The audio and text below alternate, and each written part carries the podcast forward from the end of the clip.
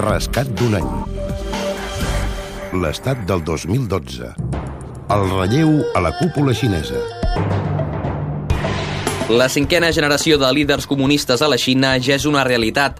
Enguany, el 18è Comitè Central del Partit Comunista Xinès ha designat nou líder pels pròxims 10 anys. Es tracta de Xi Jinping, que des del 15 de novembre és secretari general de la formació i el màxim representant del selecte comitè permanent format per només 7 persones, 7 homes. Xi Jinping es mostra satisfet però prudent.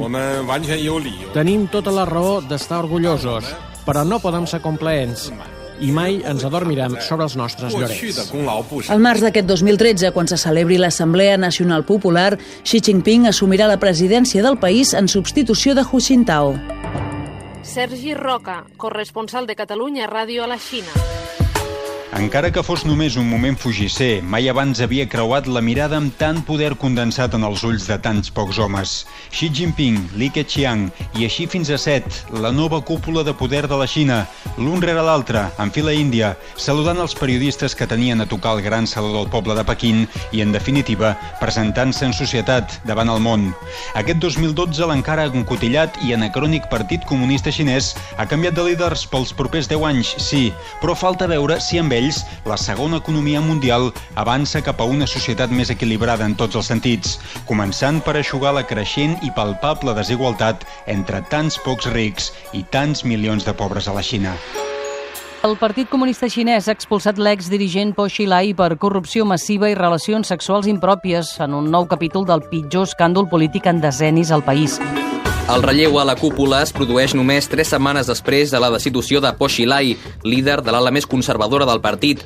Va perdre la immunitat que tenia com a parlamentari i la Fiscalia li obre una investigació penal. Se l'acusa d'abús de poder, de rebre suborns i de mantenir afers amb diverses dones. També és sospitós d'haver volgut amagar l'assassinat d'un ciutadà britànic per part de la seva dona. Mentrestant, també ha planat la sospita sobre el primer ministre Wen Xiaopao. En aquest cas, era el New York Times qui publicava que la seva família té una fortuna de 2.000 milions d'euros euros. El govern xinès assegura que no és cert i culpa el diari de voler embrutar la imatge de la Xina. Aquest 2012 també hem estat pendents d'unes illes que fins ara no sabíem ni que existien. Mentrestant augmenta la tensió entre el Japó i la Xina per la disputa territorial que mantenen els dos països sobre l'arxipèlag de les illes Senkaku. Són les illes Senkaku, situades a l'extrem occidental del Japó. Tenen una àrea de 7 quilòmetres quadrats i no estan habitades. La Xina assegura que formen part del seu territori, però el govern del Japó n'ha comprat tres. A la Xina el boicot als productes japonesos encara dura. Tot plegat en un any aquest 2012 on les immolacions s'han multiplicat al Tibet. Protesten per l'ocupació del Tibet per part de l'exèrcit de Pequín. Gairebé una setantena de persones s'han intentat immolar enguany. La majoria han aconseguit el seu objectiu. Mentrestant, a Birmània s'han celebrat eleccions parcials. Es van fer l'1 d'abril i van ser simbòliques perquè l'exèrcit continua dominant el Parlament.